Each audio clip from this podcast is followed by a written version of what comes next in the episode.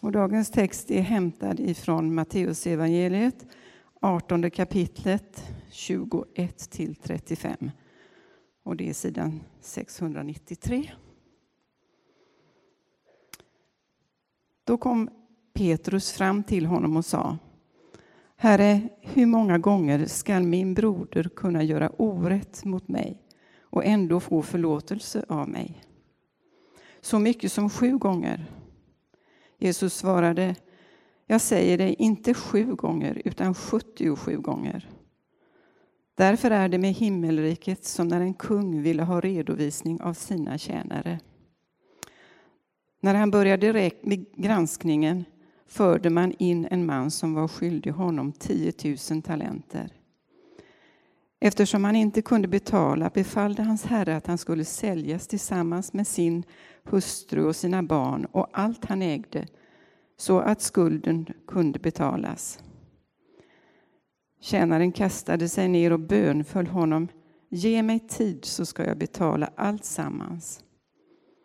Då kände hans herre medlidande med honom och lät honom gå och efterskänkte hans skuld. Men tjänaren gick därifrån. Men när han gick därifrån mötte han en annan tjänare som var skyldig honom hundra dinarer. Han grep honom om strupen och sa Betala tillbaka vad du är skyldig. Den andre kastade sig ner och bad honom Ge mig tid så ska jag betala. Men han ville inte utan gick därifrån och lät sätta honom i fängelse tills skulden var betald. När de andra tjänarna såg vad som hände tog de mycket illa vid sig och talade om allt sammans för sin herre. Då kallade denne till sig tjänaren och sa Din usling, jag efterskänkte hela din skuld när du bad mig om det. Borde du inte ha varit lika barmhärtig mot din kamrat som jag mot dig? Och i sin vrede lät hans herre bödesträngarna ta hand om honom tills hela skulden var betald. Så skall min himmelske fader göra med var och en av er som inte av uppriktigt hjärta förlåter sin broder. Så lyder det heliga evangeliet. Lovad vare du, Kristus.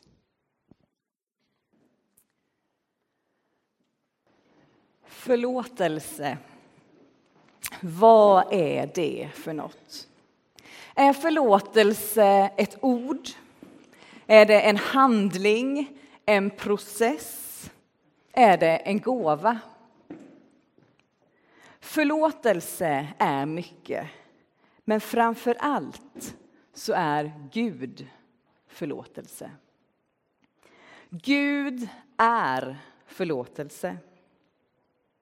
Och det handlar om förlåtelse utan gräns. Den är inte villkorad. Den är inte något som tas tillbaka. Den är inte kravfylld. Gud är kärlek. Och i sin kärlek och nåd får vi förlåtelse trots att vi inte förtjänar det. Det är den Gud vi tror på. Vad gör denna tro med oss? Vad gör den med dig? Eller vad borde den göra? I Efesierbrevet som Bardia läste tidigare står det Visa medkänsla och förlåt varandra liksom Gud har förlåtit er i Kristus. Vi är förlåtna och vi ska förlåta andra. Punkt. Jag önskar att det var så enkelt att jag ett, insåg att jag är förlåten av Gud, jag är försonad, jag är älskad. Och två, att förlåtelsen var så enkel som att du är förlåten, förlåt andra. Men förlåtelsen är mer komplex än så. Den är inget vi kan ta lättvindigt på, Förlåtelsen är inget som kommer naturligt för oss människor. Förlåtelsen är ibland ett hårt jobb, ett tufft jobb och det kan vara fruktansvärt svårt. Varför är det då så viktigt att förlåta? Gud säger det till oss. Att inte lyckas förlåta och försonas med en händelse eller en person gör att man riskerar att inte bli helt fri. Utan att den händelsen eller den personen som redan orsakat mig smärta får fortsätta att göra det. Låt inte någon eller något ta lycka och välmående från dig. Låt inte den eller det som sårat dig eller skadat dig få förstöra mer. Låt det inte få mer av dig, ditt liv, dina känslor och tankar. Försoning är viktigt. Det är inte enkelt. Det är inte något som går att förhasta. Det kanske behöver processas, arbetas med och det finns många olika sätt att göra det. Petrus frågar Jesus i texten, hur många gånger ska jag förlåta? Och jag tror att Petrus tycker att han tar i från tårna. När han säger, ska vi förlåta så mycket som sju gånger? Rabbinerna menar att tre gånger ska vi förlåta en upprepad synd. Sen kommer gränsen. Och Petrus, han mer än dubbla det. Men som så ofta så har Jesus ett annat sätt att tänka och vara än vad vi är. Han säger inte bra där Petrus, där tog du i så det räcker och blir över. Utan han säger Petrus, det finns ingen gräns. Förlåtelsen är utan gräns.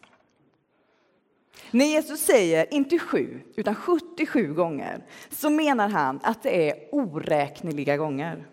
Förlåtelse utan gräns. Och jag känner igen mig själv i Petrus. Behovet av att ha någon form av rättvisa. Jag vill räkna lite på det, få in det i ett system. Men det Gud säger är, min förlåtelse funkar inte så. Förlåtelse är en gåva som du får ta emot. Du kan inte göra rätt för dig och förtjäna den. Guds kärlek är utan gräns. Och vi har fått uppmaningen att leva i den förlåtelsen vi fått och ge den vidare till andra. Liknelsen som kommer efter Petrus Petrus frågar till Jesus om kungen som efterskänker en ofantlig skuld på 10 000 talenter. Det var ungefär 60 miljoner dagslöner. Jag har inte räknat fel på det, utan det var 60 miljoner dagslöner som han var skyldig. Liknelsen visar på Guds förlåtelse som är oändlig, utan gräns. Det fanns inte en chans att den här mannen skulle kunna betala tillbaka sin skuld. Det var så sjukt mycket pengar. Så det säger ganska mycket om Guds gränslösa förlåtelse. Och liknelsen säger också något om oss människor. Mannen hade en enorm skuld. Han har inte en chans att betala tillbaka den och ändå så säger han, ge mig bara lite mer tid så fixar jag det. Han är inte beredd att säga jag klarar inte det här själv. Trots hans stora skuld så får han allt efterskänkt. Hans liv räddas, hans familjs liv räddas. Och trots att han precis varit med om detta, vad händer när han går därifrån? Jo, han möter en man som är skyldig honom en struntsumma i jämförelse. Och så kräver han att han ska betala tillbaks det. Han till och med griper honom om strupen och kastar honom i fängelse. Den första mannen hade mött stor nåd. men hade inte tagit emot den. Det hade inte förvandlat honom. Har Guds kärlek förvandlat dig? Har du förstått vad förlåtelsen från Gud är? Vad det innebär och vad det kan göra med dig? Vad händer sen i liknelsen? När kungen fått reda på vad som hänt blir han rasande och han klistrar ihop skuldbrevet igen. Och budskapet är tydligt. Vi ska ge vidare vad vi har fått ta emot. Vi får alla ta emot förlåtelsen från Gud och den förlåtelsen ska vi ge vidare till andra. Vi har alla en skuld inför Gud som ingen av oss kan betala. Och Gud visar barmhärtighet. I Jesus har Gud själv betalat hela skulden. Guds gränslösa kärlek och godhet förpliktar oss att ge förlåtelsen vidare. Guds förlåtelse ska förvandla oss. I ett samtal jag hade häromdagen så sades det så här. Jag tycker att vi har ett problematiskt förhållande till förlåtelse i frikyrkan. Vi hör så ofta att vi ska förlåta, men vad innebär det att förlåta? Jag har en fyraåring hemma och jag hör mig tyvärr ganska så ofta säga lite argt till henne, säg nu förlåt. Och så är jag lite krävande och så pressar jag fram ett surt förlåt från fyraåringen och så blänger vi lite surt på varandra. Den typen av förlåtelse kanske har en poäng i uppfostran, att visa att det är viktigt att säga förlåt, men den går inte på djupet. Det är inte det som är förlåtelse, ett slarvigt ord som flyger över våra läppar. Vi ska inte vara slarviga med våra förlåt. Vi ska inte heller ge människor som blivit utsatta för orättvisor dåligt samvete. Den människa som behöver en ursäkt ska inte behöva känna att när någon kommer och säger förlåt, då bör jag snabbt säga att jag förlåter. Man kan inte ge förlåtelse innan man är redo. Men det är viktigt för sin egen skull att komma till den punkt att man kan försonas med det som hänt. Att man kan gå vidare från det som varit. Förlåtelse kan inte forceras fram. Det är viktigt för oss och den får inte ta lätt på. Förlåtelse är någonting allvarligt och något Gud vill hjälpa oss med. Det finns starka berättelser om människor som förlåter fruktansvärda saker. Till exempel kan man läsa om det i samband med sanningskommissionen i Sydafrika efter apartheid. Och för mig går det inte att förstå hur dessa människor förmår att förlåta. Desmond Tutu, pensionerad ärkebiskop i Sydafrika och som då var ordförande i den sanningskommission som gjorde upp med övergrepp som begicks under apartheidtiden, har sagt. För det mesta är det inte lätt att förlåta. Men om man håller tillbaka förlåtelsen låter man förövaren ha kvar sitt grepp. Man blir inte fri förrän man förlåter. Och I ett samtal med Desmond Tutu och hans dotter så sades så här. Det finns inte någonting som heter ska förlåtas. För förlåtelsen är en gåva. Och en sån innefattar inget tvång. Att ta ansvar för det jag har gjort, erkänna det och be den jag har orsakat smärta om förlåtelse är oerhört viktigt. Och det är vårt ansvar. När jag ber den jag orsakat smärta om förlåtelse så är det starten på att förlåtelse och försoning kan ske. Men det betyder kanske inte att det är klart i och med det. Ibland tar det tid och ibland behöver det få ta tid. För om du förlåter någon så betyder det att nu lägger vi det som varit bakom oss. Jag håller det inte emot dig längre. Säger vi att vi förlåter så lägger vi det bakom oss. Och säger vi att vi förlåter för snabbt så finns en risk att det fortfarande finns kvar i oss och skaver och smärtar.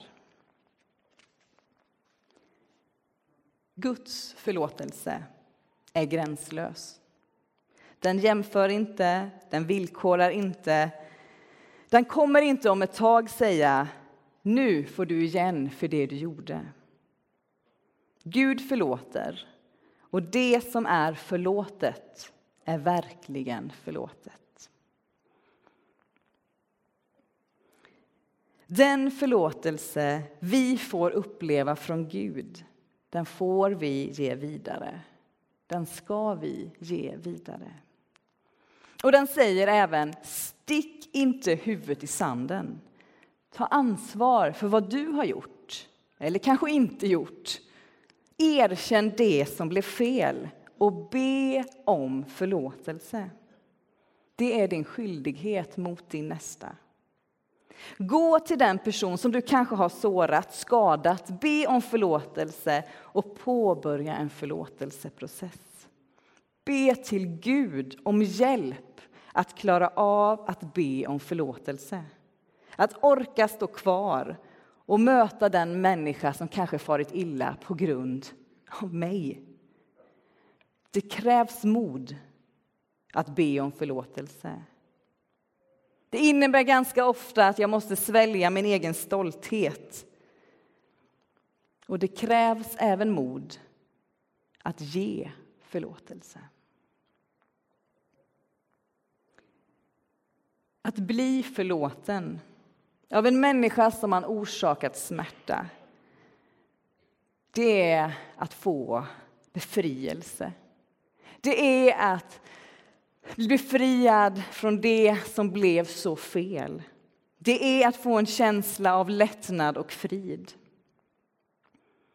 Att få ge en annan människa förlåtelse, att få lämna det som sårat bakom, är även det att få frid. Att bli befriad från något som har tyngt och hindrat mig från att fullt ut kunna leva mitt liv. Och att be om förlåtelse och att förlåta, det är nödvändigt i en församling. Egentligen är det nödvändigt överallt där människor försöker finnas och leva tillsammans. Det är en viktig del av att finnas tillsammans i en värld som denna. Alldeles för ofta använder vi människor oss av vår rätt till hämnd. Våld föder våld. Hämnd föder mer hämnd.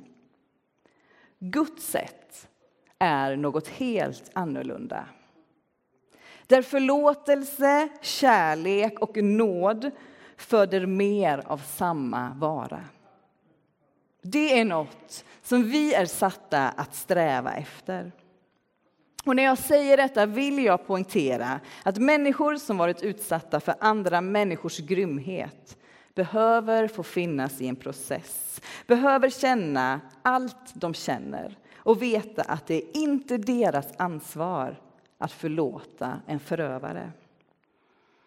Förövaren däremot behöver erkänna sina fel, ta ansvar för vad hon eller han har gjort och hoppas och be om att förlåtelse och försoning går att nå. Och där vi människor inte lyckas, trots våra försök, så är det viktigt att veta att Guds förlåtelse är utan gräns. I bönen Vår Fader ber vi Förlåt oss våra skulder liksom vi har förlåtit dem som står i skuld till oss.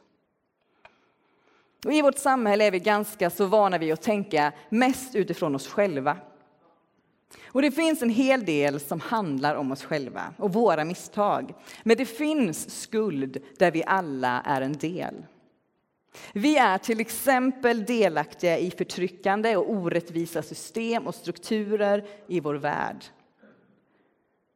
Och det är svårare att kanske se och det är oftast lättare att skylla ifrån oss. Men att förlåta och be om förlåtelse är inte bara viktigt för oss själva och de mindre sammanhang vi tillhör. Det är också en politisk handling eller en strategi att förändra världen. Och nu kanske du sitter och tänker, vad fina ord Elin, men väldigt naiva. Hur ska förlåtelse kunna minska hungern i vår värld? Hur ska förlåtelse kunna få stopp på krig och förtryck i vår värld? Förlåtelse är Guds väg. Och det är en risk att gå den vägen. En risk att det verkar kraftlöst och meningslöst, att man blir överkörd.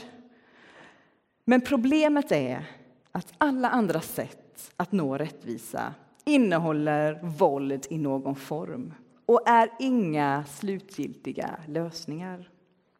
Förtryck ersätts med en annan typ av förtryck. Därför nöjer sig inte Gud med mindre än försoning. Försoning är slutmålet och allt vi gör ska försöka riktas ditåt. För förlåtelse är inget passivt. Förlåtelse leder till en försonad värld. En försonad värld, försonade relationer, ett försonat liv.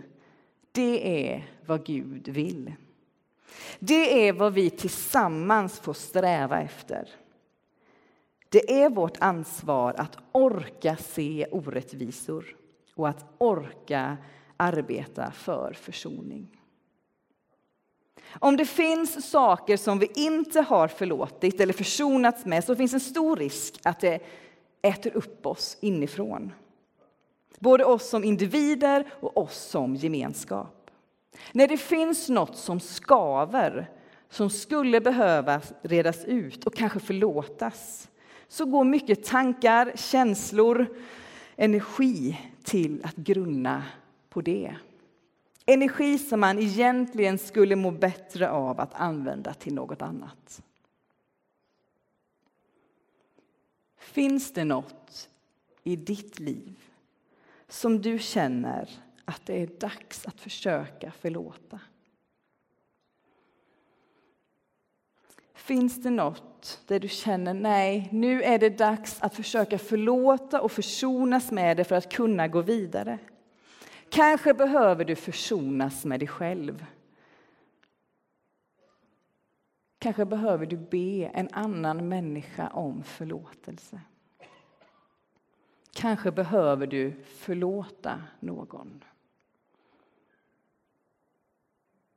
Oavsett, när du känner att du gått vilse handlat fel, inte gjort de prioriteringar som du velat, inte haft modet du så önskat att du hade.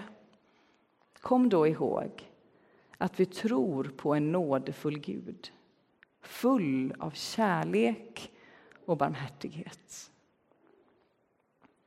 Och idag, precis som alla andra gudstjänster, så finns tillfällen att både be om förlåtelse och be om hjälp och mod att orka förlåta. I bön, förbön, i vår nattvard. Som kristna ska vi ge vidare den förlåtelse vi får ta emot från Gud. Vi ska be andra om förlåtelse. Och det är inte så självklart att våga och ha ork att se våra egna svagheter och misstag mot andra. Men när vi orkar och vågar se och be om förlåtelse så ger vi även det som drabbats av oss möjligheten att en dag kunna förlåta och försonas så att skulden för alltid är glömd. Låt oss ha mod och våga ta ansvar för det sår vi orsakat andra. Så att vi alla kan leva i den förlåtelse som Gud ger och som är utan gräns. Visa medkänsla och förlåt varandra liksom Gud har förlåtit er i Kristus. Amen.